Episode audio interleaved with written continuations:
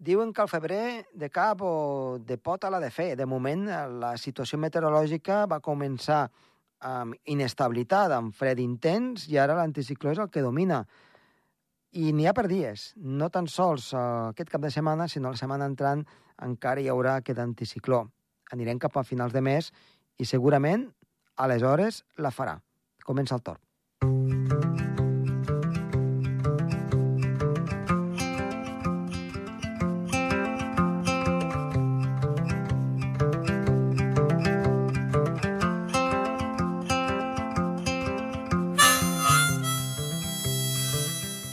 El programa d'avui va de Gerards, i és que tenim d'una banda el meteoròleg, en aquest cas Gerard Tauler, que ens parlarà sobre de l'Ebre cap al sud i de l'Ebre cap al nord, com afecten les pertorbacions en aquella zona, en aquest cas de la península Ibèrica, i d'altra banda tenim a l'arquitecte tècnic Gerard Garcia, que ens acabarà de parlar del Garrador i de les seves eh, doncs, influències en el que és l'edificació i com solventar-les. No esperem el programa. Som-hi!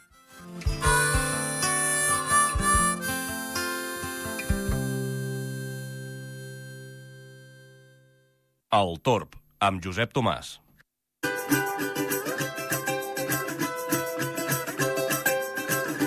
Iniciem el programa amb Gerard Tauler. Gerard, molt bona tarda. Oh, bona tarda, Josep Tomàs. Doncs bé, eh, anem avançant en el mes de febrer, eh, de moment molt anticiclònic, i avui ens vols parlar d'una cosa de l'Ebre cap al sud i de l'Ebre cap al nord. Sí, Què significa això? Sempre diuen de l'Ebre cap al sud plou i neva més, i de l'Ebre cap al nord no neva tant ni plou tant. I això és una, una cosa que, que vam tenir aquí al Patim la Meteo i, i com es deia, l'altre fòrum? Eh, el Fòrum Metaclimàtic. Que es parlava d'això, no? Sí, Sí o no? sí eh, el que passa que hem de dir que patim la meteo, clar, la gent dirà, què és això? Doncs patim la meteo és, és un fòrum de meteorologia. de, prin- d'inicis de, de, de, del segle XXI. Exacte, exacte. I a veure, eh, segons tu, eh, per què de l'Ebre cap al sud eh, fa aquesta, hi ha aquesta Bueno, situació ú- més... Últimament ho fa, no? Sí, la veritat és que fa. sí. De l'Ebre cap al sud tenen més temporals de, de, de, de pluja i de neu. Però l'anticicló està més que, que, posat, que, que ens abraça més cap aquí, cap a Catalunya, i, i les borrasques els afecten més directament. Clar, aquí jo ficaria, Borrasques, gotes fredes, tàlbecs... ahí, ahí ficaria el Pirineu que quedaria una mica a part eh, de- d'aquestes situacions, Sí, però sí que és veritat que la serrada ibèrica afavoreix doncs, que enganxi tota la humitat de la Mediterrània, per poc llevant que hi hagi. Va, però a part també és l'anticicló que, que fa de bloqueig, uh Mhm. -huh. l'anticicló centroeuropeu o dels Balcans. En canvi, en situacions de retrogradació també tenen, jo què sé, eh, aquí ens afecta massa l'anticicló i, i té una borrasca de, damunt de, de, de, de, de, del nord de- d'Algèria o de les Balears que els hi envia gra- gregal, que és humit, i canvi que és sec. Molt bé. Doncs, eh, Gerard, eh, moltes gràcies per aquest apunt meteorològic i ens retrobem una propera vegada. Vinga, fins una propera. Adéu-siau, Adéu, gràcies.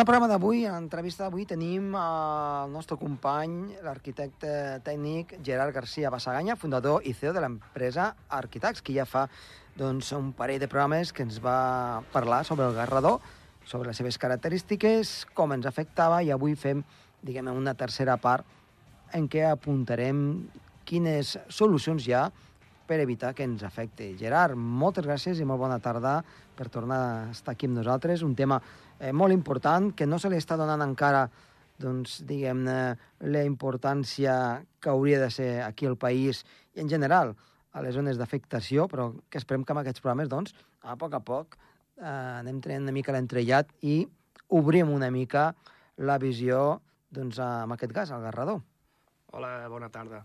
Sí, eh, parlem, continuem parlant del gas redó. Vam parlar al principi del què és el gas, els seus orígens, quins efectes té per la salut, i avui parlarem de les solucions constructives que es poden donar a les edificacions quan es detecta que hi ha eh, gas redó.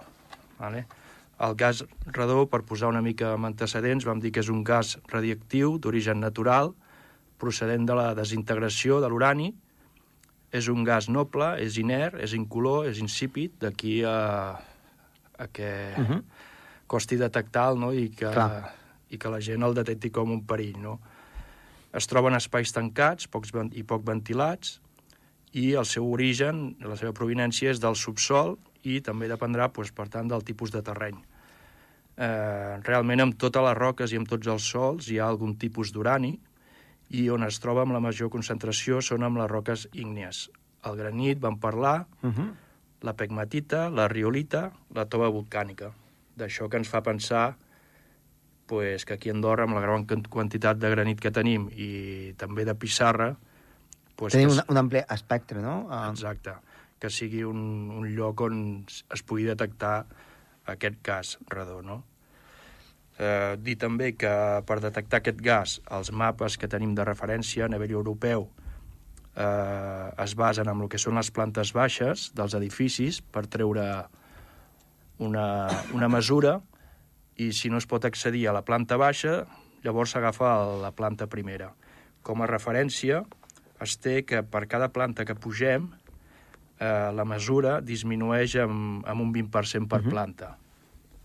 Per això, bueno, que sapiguem que el gas ja ve del terreny, la planta que interessa prendre mesures és la planta baixa. Vam comentar també l'altre dia, no?, sí, que uh, el petit incís, eh, de dir, aquelles construccions antigues que són totes de granit, aquí no hi ha planta baixa que valgui, és a tot arreu, eh? Bueno, Uh, normalment, sí, també pensa que les plantes, les construccions totes de granit acostumen a ser plantes baixes, no? O sigui, Sí. no veiem, no, tampoc edificis de set alçades, de set no, una mica més esglésies, per Exacte, exemple, no? Exacte. Aquí sí que Exacte. seria tot el conjunt, no?, afectat. Aquí seria tot el conjunt, sí. Parlat, vam parlar també de que els factors que influeixen en la- en l'acumulació del redó és el terreny, Uh -huh. la composició i la capacitat del moviment del redó que pugui tenir dins d'aquest terreny en funció de les seves capes i la seva manera que tingui de circular, la seva convecció per les esquerdes, zones de discontinuïtat, també influeixen eh, les característiques dels edificis, la seva envolvent, sobretot, la comunicació entre els soterranis i també la ventilació que tingui ja de per si el propi habitatge, també els, els usuaris i els materials de la construcció. Vam parlar l'altra vegada dels hàbits de ventilació que pugui tenir cada família o cada ocupant i els materials amb algun precursor en quant a què puguin disposar, de, per exemple, de granit. Vam parlar dels marbres a les cuines, veritat? Exacte, sí. I, bueno, I això seria una miqueta el resum que hem fet eh, fins a dia d'avui. I també el, el clima, no?, la climatologia. També la climatologia, exacte. Eh, afecta a força, no? De, Bueno, amb ha- aquesta ventilació, hi ha, hi ha efecte, i sobretot aquí a Andorra, amb el tema de la ventilació, que ja de per si acostumem a tenir mm, les finestres bastant tancades, Sí. no? I, i, i, I molts dies, encara que no ens sembli, eh? eh per un petit apunt, eh, diguem-ne, en aquest cas meteorològic, molts dies d'anticicló, encara que ens sembli doncs, que sempre neva, sempre plou, hi ha més dies que fa temps estable i sol, per tant, de, de que doncs, l'aire no es mou, i per tant hi ha poca ventilació normalment fora de la casa, encara menys dins de la casa, no? Exacte. I això doncs, és una situació que complica encara més aquesta ventilació. Exacte. Eh, bueno, pel tema del redó, eh, pel que fa a la normativa aplicable, tenim, bàsicament, eh, ens basem en el Codi Tècnic de l'Edificació, aquí a Andorra, espanyol. Eh, previ al Codi Tècnic es va marcar una directiva, que és la de 2013-59, del Consell Euratom, que estableix normes de seguretat bàsica per a la protecció contra els perills derivats de l'exposició de radiacions eh, ionitzants, obligant als estats membres establir nivells nacionals de referència i a prendre mesures adequades per limitar la penetració. D'aquí que quan parlàvem el primer dia de quins nivells de referència es mouen els estats de la comunitat europea, bàsicament, no? que parlàvem com una mitja estàndard dels 300 eh, becquerels metre Mhm. cúbic. Eh? Eh, posterior hi va sortir el Real Decret 732 del 2019, el qual modifica ja el codi tècnic aprovat eh, per Real Dec Decret el 13, el, el, per Real Decret 1314 del 2006. O sigui, modifiquem el dos, 2006 a través del 2019 i introdueix una nova exigència bàsica a la salubritat, és l'HS6. Aquí es pot trobar i es pot buscar informació fàcil a través de, de, del Google, no? per exemple, per la qual obliga a que es disposi de mitjans adequats per limitar el risc d'exposició en el seu interior. O sigui, la normativa que tenim de referència es troba dins del Codi Tècnic de l'Edificació i concretament a la secció HS6 del Codi Tècnic. És la protecció enfront a l'exposició al redó. Aquí tenim tot referent al redó referit a les construccions, uh -huh. a l'edificació. Aquí agafen el nivell de referència d'aquests 300 becquerels metre cúbic que vam parlar, que és la mitjana anual de concentració de redó a l'interior dels locals eh, habitables. Uh -huh. Això, però, estem parlant de, de normativa, diguem-ne, d'Espanya. Des, home, cadascú, I que s'aplica aquí a Andorra. És que és, lo, que, clar, és que és el que deia la directiva. Perquè, clar, recordo que, que, que a altres països hi havia unes coses que Eh, eh, eren molt dispars, no? Molt dispars, exacte. O sigui, no tenim l'obligació aquí a Andorra, però uh -huh. d'alguna manera ens hem de regir per alguna normativa. No? Exacte. I de eh, referència agafem aquesta, diguem. Exacte. Anteriorment, amb aquest codi tècnic, només teníem aquest, uh, aquesta directiva del 2013 del Consell Euratom, que establia aquestes normes de seguretat bàsica. No? Després hem anat acotant més, o s'ha anat eh, aprenent més d'aquest gas, i el tenim acotat aquí al Codi Tècnic de l'Edificació. Uh -huh. Per tant, és el d'on podem tenir una informació més directa i més propera, no? que és el, el Codi Tècnic espanyol. Eh, I aquí estableix l'àmbit d'aplicació eh, fent dos grans distincions, el que serien els edificis de nova construcció i la intervenció en edificis ja existents. Que aquí suposo que és la problemàtica més gran, no? Que, que després ho aniràs de, desgranant una miqueta, però, clar, els edificis existents aquí eh, solucionar el problema... Clar, clar, clar, com sempre... Aquí és una mica més, més és complicat. És on hi ha la, més la complicació, no? Si ja fas obra nova, doncs ja d'un origen, sí, has... Ja vas amb les normatives, ja... Exacte, ja hi ha maneres de com solucionar-ho, no?, tot això. Uh -huh. I com, com, com és aquesta uh, tipus de normativa? Bueno, depèn, de fet, de, si partim dels edificis, per exemple, de nova construcció, eh, els elements a, a incorporar serien barreres de protecció, entre el terreny i el local habitable. Sí, però de, de quin tipus?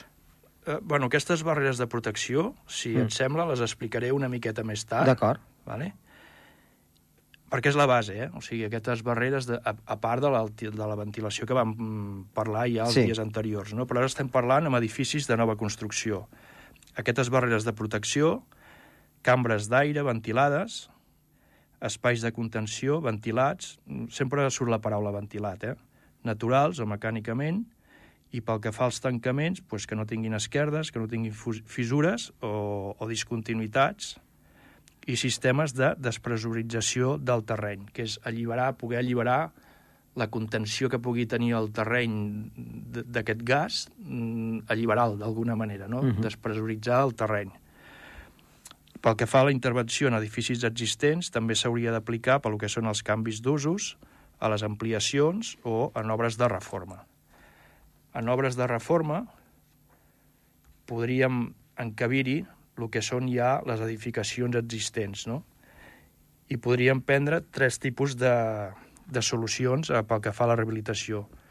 Solucions d'aïllament en edificis, també seria disposar d'aquesta barrera de protecció, el segellat de fissures, esquerdes, trobades i juntes, utilització de portes estanques, seria una miqueta, per exemple, com el foc, no? perquè uh -huh. no pugui propagar, pues, portes estanques, creació de sobrepressió en els locals a protegir. Per tant, estic veient que eh, molt, moltes d'aquestes solucions ja no tan sols es poden fer servir per, per aquest gas, sinó per a altres coses, com per exemple el foc no? o una inundació. Bueno, en aquest cas seria la utilització del foc, seria la làmina aquesta no és, no és ignífuga, eh? no, en principi no és d'utilització pel foc. Però les portes sí. Les portes, les portes sí, les portes estanques.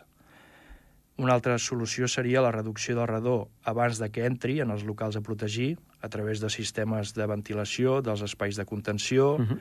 i una altra vegada els sistemes de despressurització del terreny. Com, com, com aquests sistemes de despressurització? Bueno, mira, per exemple, pots... Eh, eh, un sistema de despressuritz- de despressurització seria, per exemple, des de la planta soterrani, eh, seria com d'una manera molt... Eh, perquè s'entengui una miqueta, crear una ximeneia, Uh -huh.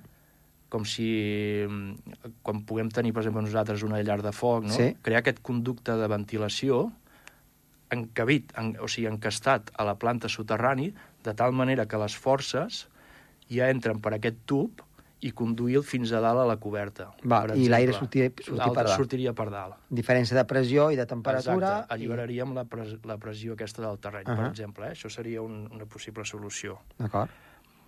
I amb altres, eh, i una tercera solució pel que fa a la rehabilitació serien solucions de reducció de redó després d'entrar ja en els locals a protegir, que són millorar les, les ventilacions dels locals habitables. Pel que fa a la barrera aquesta que em deies, Uh -huh. entre el terreny i els locals habitables, eh, s'entén que serà tot aquell element que limiti, parlem de la barrera, tot aquest, aquest, tot element que limiti el pas dels gasos. Eh, aquestes barreres, hi ha empreses que la, la faciliten no? com un seu material propi, no? i està molt, molt establert i és, o sigui, és com un manual no? de, que s'ha de seguir tot el que ells diuen. A partir del moment en què, és més, si no ho col·loquen ells ja no donen la garantia. Per Ja. tant, el col·locador ha de ser una persona especialitzada eh, en, en col·locar aquest tipus de barrera només. No? Té molts condicionants. Ha d'estar situat entre el terreny i els locals a protegir, un gruix mínim, per exemple, de 2 mil·límetres, ha de tenir continuïtat, han d'estar segellades les trobades amb els elements eh, que la interrompen. Per exemple, pensem en el naixement d'un pilar Uh -huh. eh, d'una d'una llosa de fonament, per exemple. No? Aquestes trobades han d'estar treballades d'una manera adequada, diríem, en funció del disseny d'aquestes empreses que faciliten aquestes làmines. No? D'acord. Eh, les portes de comunicació que interrompin hauran de ser també estanques i dotades de tancament automàtic, no presentar fissures, tenir una, una durabilitat eh, adequada. Aquestes membranes eh, es coneixen com a FPO, són FP, FB de flexible i la P és de polioletin, no, poliolefin, conegudes com a FPO. Són làmines sintètiques fabricades amb una mescla de poliolefines i estan reforçades internament amb fibres de polièster i fibres de vidre.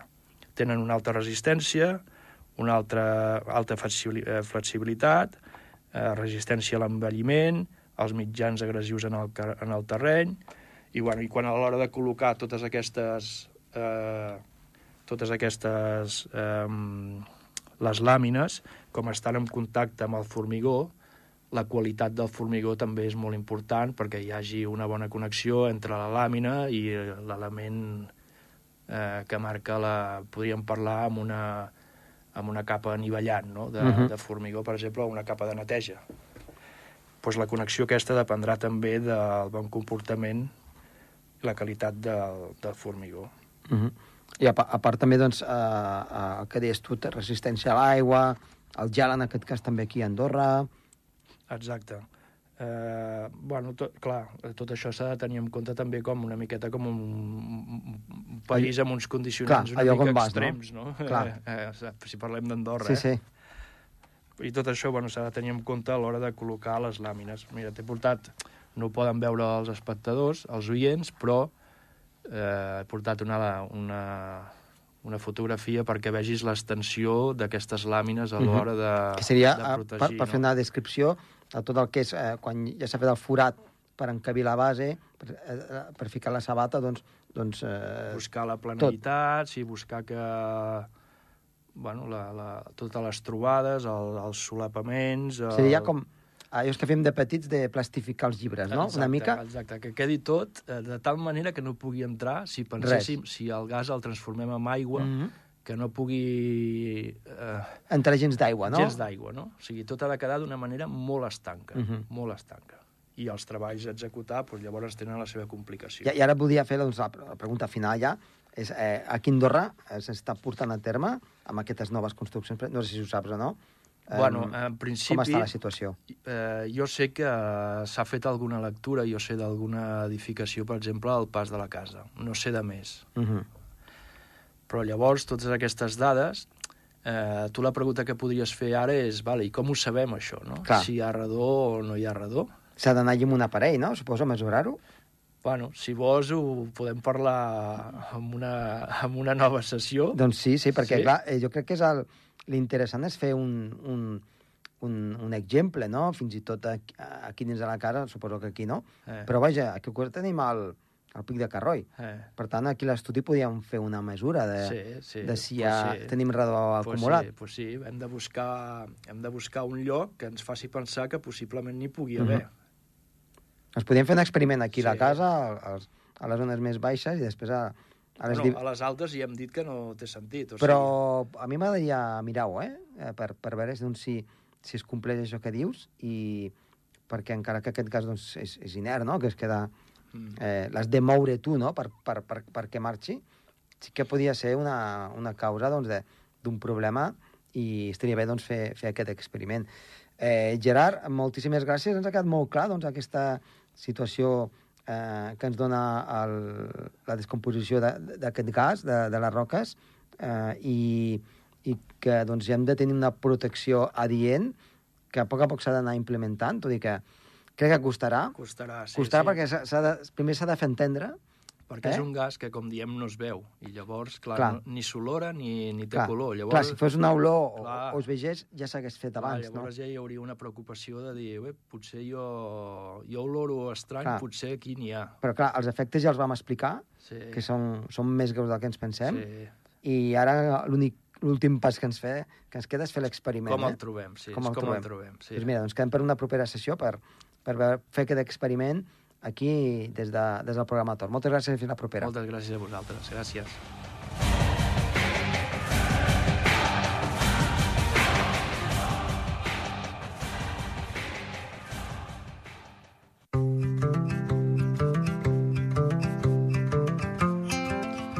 Fins aquí el programa d'avui. Esperem que els hagi agradat estar de les vies de so. David Carmona, qui els ha parlat amb molt de gust. Josep Tomàs Bosch. Adéu-siau.